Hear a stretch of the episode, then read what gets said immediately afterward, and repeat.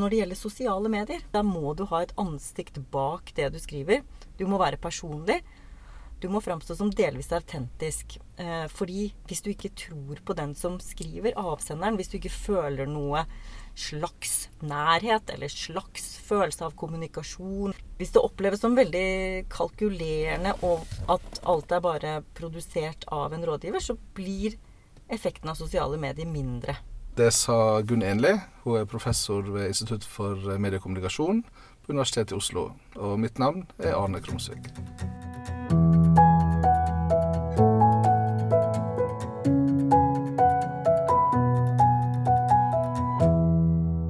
Jeg ble interessert i hvordan sosiale medier påvirker politikken. Fordi vi hadde jo sett eh, Obamas suksess i 2008. Vi hadde sett den arabiske våren. Eh, vi hadde også enkelte tendenser til at eh, det ble spekulert i at sosiale medier ville demokratisere hele den politiske debatten. Så jeg var interessert i å undersøke dette i vårt samfunn og i land som ligner på vårt. Hvilket land var det du syntes var mest naturlig å se på det? Altså, Jeg hadde jo veldig lyst til å se på USA fordi eh, pga. Obama, selvfølgelig. Og det som er saken, er at USA ligger veldig langt framme når det gjelder valgkamp, valgkampstrategier, masse penger, TV-reklame. Altså det er veldig mange grunner til å se på USA når man er interessert i media. Så det var mitt første valg, og det var um, eh, lett å se grunner til å sammenligne USA og Norge. Eh, sånn som at vi har veldig ulike politiske system. Vi har ulike mediesystem. Og det er forskjell på størrelsen på landet. Det er liksom åpenbare forskjeller. Så er det jo likhetene i forhold til eh, at begge er liksom vestlige demokratier. Eh, eh, stemmeretter fungerer rimelig greit. Stabile økonomier eh, stabilt styringssett. Sånn at det var lett å finne. Og så hadde jeg to land til med i studien, og det var Australia og Sverige. Og årsaken til at jeg valgte Australia, det var litt pragmatisk, fordi det var en forsker som heter Axel Bruns, som er verdens beste på å undersøke Twitter-nettverk. Eh, og hans metoder Han har utvikla mye metoder og mye verktøy selv. Jeg hadde lyst til å ha ham på laget, jeg hadde lyst til å ha ham i teamet. Og for å få til det, så var det naturlig å ta med Australia. Og det var også gode grunner til å ta med Australia. Av faglige grunner. F.eks. at det er obligatorisk å stemme i Australia. Det er påbudt. Alle må stemme. Sånn at når alle må bruke stemmeretten, hva gjør det med valgkampen? Hva gjør det med medienes rolle? Sosiale medier? Ja, det, det er også et ganske stort land, men det er annerledes enn USA. Eh, så var det fjerde landet Sverige. Det var eh, ønskelig å ha et land som var ganske likt Norge på mm, størrelse og system, men som samtidig ikke er Norge. Sånn at vi fikk eh, Da var det muligheter til å sammenligne litt på kryss og tvers for å ha disse fire casene. Så det var sånn jeg tenkte rundt eh, valget av caseland. Hvordan gikk du fram da, når du skulle undersøke dette? her? Nei, da var det jo å undersøke sosiale medier som eh, faktor. Eh, hvor viktig er det? Hvilke sosiale medier er det folk bruker til å diskutere politikk? Hvilke sosiale medier er det politikere bruker til å profilere seg og sin politikk? Uh, og så fant vi ut at Facebook og Twitter er det mest åpenbare. Og det var de to si, sosiale medieplattformene som vi valgte å undersøke. Og så valgte vi jo ut valgkamper i hver av de fire landene. Eh, da var det veldig vanskelig å gjøre 100% komparativ analyse på alt. Sånn at noen ganger så ble det å se på enkeltland. Noen ganger så ble det å se på tvers av to land. Eh, og, det, og, i noen studier så fant vi empiri som var noenlunde sammenlignbare på, på, tvers av alle fire, men det var sjeldnere. Eh, og noe av grunnen til det er jo størrelse, f.eks. Men vi lastet jo ned tweets og fant ut hvilke type Twitter-nettverk som finnes i de ulike landene. I hvilken grad kommuniserer journalister med politikere, og i hvilken grad kommer velgerne inn. Hvis man skal undersøke velgernes deltakelse, er det noe slags interaksjon her? Eh, er det sånn at eh, politikere og andre eliter, politiske eliter, kommuniserer med velgerne? Eller er det bare en enveiskommunikasjon hvor, eh, hvor politikerne bruker det mest som en markedsføringskanal? Da måtte vi undersøke interaksjonsmønstre, og vi måtte ja, undersøke dette i forhold til hvem som kommuniserer med hvem på Twitter, f.eks. Og det er mye enklere å undersøke sånne type interaksjoner på Twitter enn Facebook. Fordi at Twitter er åpent. Og det gjorde vi Derfor så har vi mye mer data på akkurat det nettverket på Twitter. Eh, på Facebook så må man ned og se på mer enkeltdebatter og hvem som deltar. Hvilke politikere er det som har mest aktivitet på sine sider, osv. Sånn at vi gjorde eh, Vi kombinerte klassiske, veletablerte samfunnsvitenskapelige metoder som kvalitative intervjuer, surveys, um, innholdsanalyse, med litt mer innovative digitale metoder som um, nettverksanalyse og big data tracking. Hvem som var likest oss nordmenn, da? Altså, det er jo mer likheter med Sverige eh, og Norge, selvfølgelig.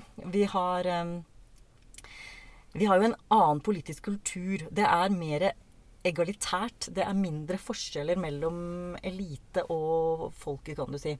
Og det gjenspeiler seg også i den politiske debatten og, og samspillet eh, mellom befolkningsgrupper. Det er mindre polarisert. Offentligheten i Norge er eh, mindre polarisert eh, på sosiale medier så vel som i etablerte medier og ellers. Eh, så det merket vi jo at var en, en spesiell måte Altså det var en spesiell måte politikerne uttrykker seg på som er litt mer folkelig, litt mer nedpå. Og det er jo også flere norske politikere som bruker sin egen stemme og faktisk skriver og oppdaterer sosiale medier selv. Mens i f.eks. USA så er det veldig vanlig å delegere dette til eh, en rådgiver, en eh, medarbeider i staben. Mens i Norge så kan du jo oppleve at Erna Solberg da sitter og skriver tweets eh, med skrivefeil, eh, og også får kred for at hun er åpen om at hun har problemer med dysleksi. Eh, sånn at det ville vært veldig utenkelig i en annen politisk kultur, hvor det er mer eh, elitepreg, og hvor det er mer eksklusive eh, kretser som diskuterer med hverandre, i den grad det er dialog. Eh, Obama skrev ingen av sine meldinger selv eller Facebook-oppdateringer i første valgkampen. Mens i 2012 så skrev han 1% selv, og det er jo også ja, veldig, veldig lite. Og etter det så har han ikke skrevet noe. Så at det delegerer mye mer, og det er Det er jo en stor forskjell. Og så kom Trump, da. Og så kom Trump. Og det som er interessant med det, er at vi, de som forsker på sosiale medier, har sagt at jo, her foregår det en profesjonalisering man blir mer og mer proff. På begynnelsen var det litt amatør. Man prøver seg fram og skriver litt og sånn. Og så kommer dette inn i utdanningssystemene også, hvor man kan lære å lage sosiale mediekampanjer. Man kan gå på kurs, man kan lære dette, betale masse penger. For eksempel eh, så kan man lære at eh, du må ikke la politikeren selv gjøre det. Dette må gjøres av profesjonelle. Så det at man får eksterne inn for um, analysebyråer til å eh, planlegge hva som er smart å skrive til enhver tid, det er det vi kaller profesjonalisering av, av sosiale medier for, for, politikere. Så kommer Trump, og han bare Nei, eh, jeg kjører ikke profesjonalisering. Jeg kjører amatørisme. Jeg kjører bare det motsatte. Her er det ikke Mens demokratene um, Um, og, og, Hillary Clinton-kampanjen de var jo veldig opptatt av dette med profesjonalisering og bygget videre på tidligere um, kampanjers erfaringer, utregninger, um, statistikk. Ja. man var uh, kalkulerende, mens Trump var kanskje kalkulerende, han også, men han var det på en helt annen måte. Og den var en amatørisme hvor det var mer sånn gut feeling. Jeg skriver det jeg føler nå. Og det funket jo veldig bra. Så at det, det med sosiale medier er også interessant uh, i forhold til at det bidrar til personifisering av uh, politikken. Det personifiserer politiske temaer. Og særlig her i Norge så har vi jo et partiorientert system. USA så er et um, personorientert. Så det, er jo en sånn stor forskjell som påvirker uh, mange deler av politikken. Men når det gjelder sosiale medier, så er det litt av det samme. For der må du ha et ansikt bak det du skriver. Du må være personlig. Du må framstå som delvis autentisk. Eh, fordi hvis du ikke tror på den som skriver, avsenderen, hvis du ikke føler noe slags nærhet eller slags følelse av kommunikasjon eller direkte Hvis det oppleves som veldig kalkulerende og at alt er bare produsert av en rådgiver, så blir effekten av sosiale medier mindre. Og da kan du si at Trump skjønte noe. Han skjønte at den autentisitetsformelen har kraft. Det er veldig stor kraft i det å bryte regler også. Å gå imot det alle andre gjør, og bare ja, skyte fra hofta. Så det, det, Men han er veldig forskjellig fra det Erna Solberg er. For hun skriver, selv om hun skriver sine egne tweets, så er de veldig eh, kontrollerte, og det er ikke noe negativ campaigning eller noe eh, kan du si, Han sverter jo andre og bruker det veldig kraftig uttrykk. Mens hun holder seg veldig innenfor. Så det, det er, den norske veien, den er jo en mellom, mellomting. Og, og, en mer sånn folkelig, ikke ekstrem og ikke provoserende. Hvis du skal finne en norsk politiker som ligner på Trump på sosiale medier, så må det jo kanskje være Sylvi Listhaug. Det er eh, fordi at hun har en mer sånn polariserende stil. Mm, selvfølgelig så er det en stor forskjell, og det er at hun er mer på Facebook enn Twitter. Uh, og det er jo fordi at uh, Twitter er et veldig elitistisk medium, særlig i Norge, og brukes ikke så mye av det som kalles for folk flest. Derfor så er Frp ikke så opptatt av Twitter de er opptatt av Facebook, for det er der de treffer folket. Det er der de treffer sine velgere. Og det som er bra med måten Sylvi Lysthaug bruker Facebook på, er at hun eller hennes rådgivere faktisk svarer på innleggene og bryr seg om hva som skrives på sidene deres, ved å kommentere på det og gå i dialog med det. Og det tror jeg er veldig viktig. Dette har med å gjøre at folk føler at de blir sett, at de føler at det har verdi, og at de deltar i en slags community eller et fellesskap eller en slags dialogdiskusjon. Og ikke bare blir ignorert av eh, det politiske landskapet. Så her er vi jo inne på store temaer som handler om makt og elitekultur og det å føle seg sett og inkludert. Og ikke minst dette med deltakelse i et, eh, et demokrati utover det å bruke stemmeretten sin. da, At man deltar i en kontinuerlig dialog. Og det er også Ja. Du kan si Det at Trump vant, kan man jo se på som et uttrykk for politikerforakt eller mistro til makta. Og dersom politikere ignorerer velgere i stor grad og ikke bryr seg om å inngå i dialog, så vil jo det kanskje kunne nøre opp under nettopp det med politikerforakt, eller at man føler at de bare gjør som de vil allikevel. Så ja, det, sosiale medier kan brukes på veldig mange ulike måter, og våre studier viste at det gjøres nettopp det. Eh, blant norske politikere så er det veldig veldig store variasjoner på hvem som bruker sosiale medier mye og aktivt.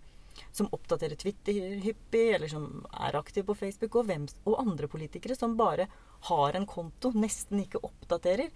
Eh, til og med noen politikere som sletter det dagen etter valget. Altså det, var liksom derfor de var der, og som ikke har noe interesse kanskje for en kontinuerlig dialog, men brukte det mer som en markedsføringskanal, som en valgkampbod, som du stenger på valgdagen. Så det, det er veldig varierende. Påvirker det hvor uh, autentiske de blir oppfatta som, disse politikerne?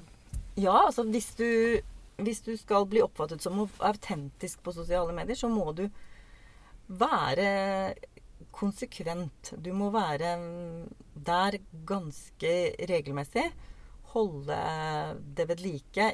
Og i hvert fall ikke legge ned kontoen rett etter valget. Men holde oppe en i hvert fall minimumsgrad da, av, eh, av aktivitet. Og det å være autentisk handler jo også om at du bruker et konsekvent språk. At du virker som du er deg selv, og virker som kanskje du deler noe av det du står for også på en litt sånn semiprivat måte.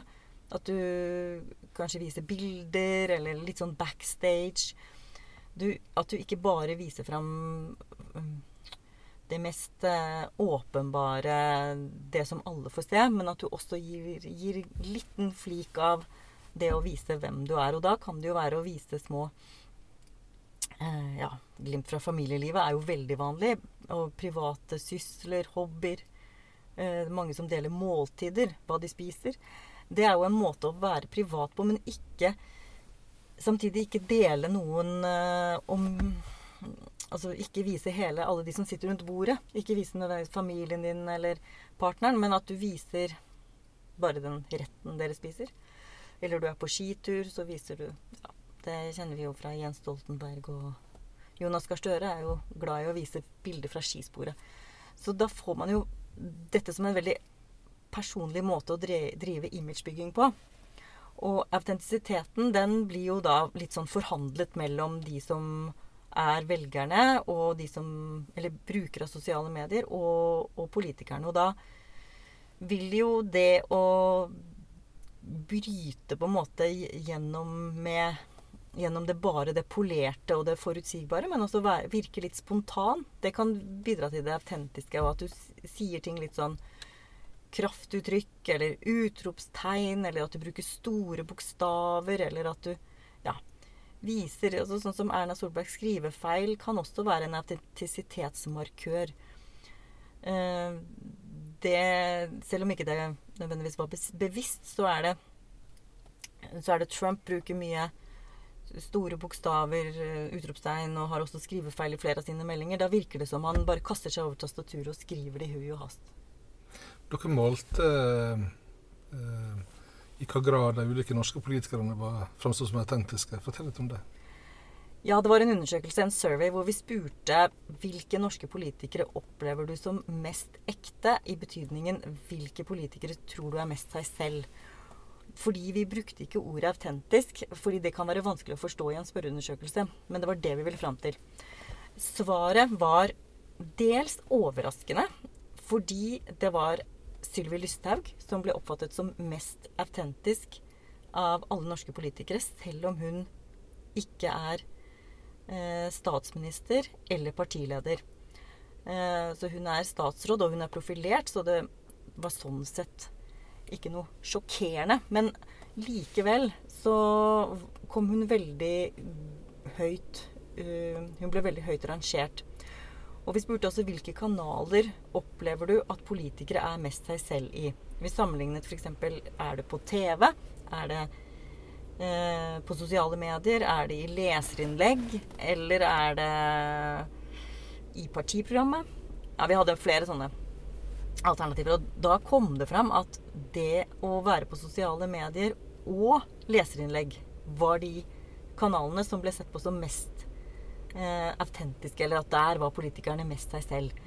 Mens i realiteten så kan det jo være like mye en rådgiver som skriver et leserinnlegg, eller en rådgiver som skriver Facebook-oppdateringer. Eh, så det var Det er sånn sett litt eh, Kanskje disse medieformene virker mer ekte fordi de liksom er skrevet, eller liksom kommer direkte fra politikeren, og ikke gjennomgår en redaksjonell prosess. Eh, og blir klippet eller tilrettelagt. Men det var jo en stor interesse i prosjektet, var jo også hvordan sosiale medier påvirker dagsorden, eller i hvilken grad etablerte mediers dagsordensetting. Sånn som TV, radio og avis, de har jo vært dagsordensettende og, og dominert eh, tilgangen til politisk kommunikasjon i stor grad. Og da kommer sosiale medier inn fra sidelinja som en direkte kanal til velgerne for politikerne. Og vil det da gjøre noe med maktforholdet mellom politikere og journalister? Vil det gjøre noe da med uh, hele den journalistiske økologien i forhold til dagsordensetting? Er det, det er liksom ikke lenger sånn at um, ja, Hillary Clinton hadde jo ikke noe pressekonferanse om at 'nå stiller jeg som presidentkandidat'. Det var en tweet. Så det, det var en annen måte å sette dagsorden på enn en vi tradisjonelt har sett det. Ser vi det i Norge også, i samme grad? Det, I Norge så er det noen interessante eksempler på at politikere bruker sosiale medier til å sette dagsorden, og at de har fått skapt interesse for en spesiell sak gjennom sosiale medier. At de har lagt ut eh, en prøveballong f.eks. på et politisk standpunkt, eller at de har lagt ut et bilde. Eh, det er det eksempler på. Og så er det eksempler på at politikere bruker sosiale medier til å korrigere mediene. Hvis de føler at de blir feilsitert, eller at de føler at de blir urettferdig behandla, eller å komme mediene i forkjøpet hvis de vet det kommer en skandale. Så det, det kan brukes til, eh, til, å påvirke og, som en motmakt mot uh, etablerte medier. Ja. Hva tenker du om det valget som kommer til høsten? da? Hvordan eh, ser du for deg at sosiale medier vil spille rolle der? Jeg syns det er interessant og spennende, og jeg tror um, det vi ser, er at Norge er jo et land som egentlig har vært preget av stor grad av konsensus i politikken. Og hvor vi ikke har så mye oppsplitting av offentligheten. Men eh, gjennom sosiale medier, personifisering og kanskje man Altså, vi, vi, ble jo påvirket av USA. Vi ble påvirket av eh, Obama. Da skulle alle norske politikere på sosiale medier. Da var det det som var trendy. Og nå har vi jo sett Trump-suksess. Så er det jo spennende å se i hvilken grad den smitter over. En, fordi det er en litt annen stil enn det norske. Det er det med å være såpass øh, polariserende. Jeg, jeg, vil si at den norske politiske kulturen har øh, har en fordel gjennom å være konsensuspreget. Jeg tror vi får til mer. Jeg tror den øh, de store polariserende trekkene i samfunnet som vi har i USA, selvfølgelig av veldig mange grunner, så vil jeg jo si at Norge blir påvirket, og at sosiale medier er globalt. Der, der gjelder ikke de samme reglene. Norske politikere styrer jo til en viss grad mediene, de etablerte mediene. Når det gjelder TV i Norge, så er det forbud mot politisk TV-reklame. Det samme forbudet kan jo ikke overføre til eh, sosiale medier. Sånn at de globale tendensene eller internasjonale tendensene er jo mye vanskeligere å stenge ute fra Norge. Og det, det er ikke sikkert det er ønskelig engang. Fordi, øh, fordi at øh, vi lever i en global verden, og det, det fungerer fint. Eh, men øh, det norske valget i 2017 vil Ja, jeg tror at vi vil se en del eh, eksperimenter på sosiale medier som kanskje både er videreføring av det som allerede har vært, men også en del som vil prøve nye eh, måter å kommunisere på. Og vil det være eh, styrt av eh, den nye profesjonen som eh, skal lære politikerne å drive sosiale medier, eller tror du det vil være politikerne som tar initiativ og eksperimenterer sjøl? Ja, det har jo veldig mye med et samspill å gjøre mellom politikeren og rådgiverne. Og man velger jo, velger jo hvilke rådgivere man har. Det, det, er store forskjeller mellom partiene, hva slags type ressurser de har. De store partiene har jo tradisjonelt hatt mye mer ressurser å bruke på all type form for eh, kommunikasjon, og også digital kommunikasjon og sosiale medier. Uh, men det kan jo også være småpartier som har mye mer um, Kanskje at de baserer seg på dugnadsånd, og, og, um, og også at de kanskje har enkeltpolitikere som er veldig veldig aktive på sosiale medier. Så at det som driver utvikling, vil være en kombinasjon av det det som er uh, strategenes uh, tankegang. Men også du klarer ikke å få til så veldig mye uten at politikeren selv er med. Se på um, Sylvi Lysthaug som jobber tett med sin uh, rådgiver, og hvor han oppdaterer i hennes navn, og hvor det fungerer nærmest som, som en symbiose, eller som om de er samme person. Um, og i andre tilfeller hvor uh, Jonas Gahr Støre f.eks. har uh, Arbeiderpartiets rådgivere eller informasjonsmedarbeidere til å hjelpe seg å oppdatere siden. Men da blir det mye mer delt. Og og i hvilken grad politikerne vil prioritere dette. Det vil jo også være litt i forhold til den personlige komfortsonen. Hva de har lyst til å dele, hvor langt de har lyst til å gå, om de er glad i teknologi. Om de er glad i å sitte om kvelden og jobbe med dette. Jeg har jo intervjuet norske partiledere om dette, og det var jo veldig interessant å høre hvordan det har blitt en del av deres hverdag. Og Siv Jensen fortalte at hun brukte alle sine mellomstunder. Vente på noen. Vente på at noe skal skje. Eh, eller sitte på en transportetappe i en bil. Da utnyttet hun tiden. Sånn at det var da hun gjorde sosiale medier. Og det tror jeg kjennetegner en del politikere. De bruker eh, den tiden de har innimellom. Få politikere hadde satt av tidspunkt på døgnet til å gjøre det. Men eh, det var jo mange som snakket om kvelder og familieliv som ble forstyrret av sosiale medier. Sånn at det å være politiker før handlet om å være tilgjengelig for mediene til eh, 17.30 på P4, Dagsnytt 18 på NRK og utover kvelden på lysløypa til du var ferdig med eventuelt Redaksjon 21 eller Kveldsnytt. Og da var det hjem og legge seg hvis det var sånne dager. Mens nå er det liksom 24-7 hvor du må gjøre det. Og eh, KrF-leder Knut Arild Hareide sa at eh, hans kone hadde kommentert flere ganger at det må du holde på med det nå på kvelden. Og han følte at det var viktig å kommunisere med velgere eller å legge ut ting. Og, og han er jo også en av de som har gått veldig langt i å legge ut bilder av små barn, altså sitt eget barn, og vært, eh, vært opptatt av å dele fra familielivet i, eh, i sosiale medier.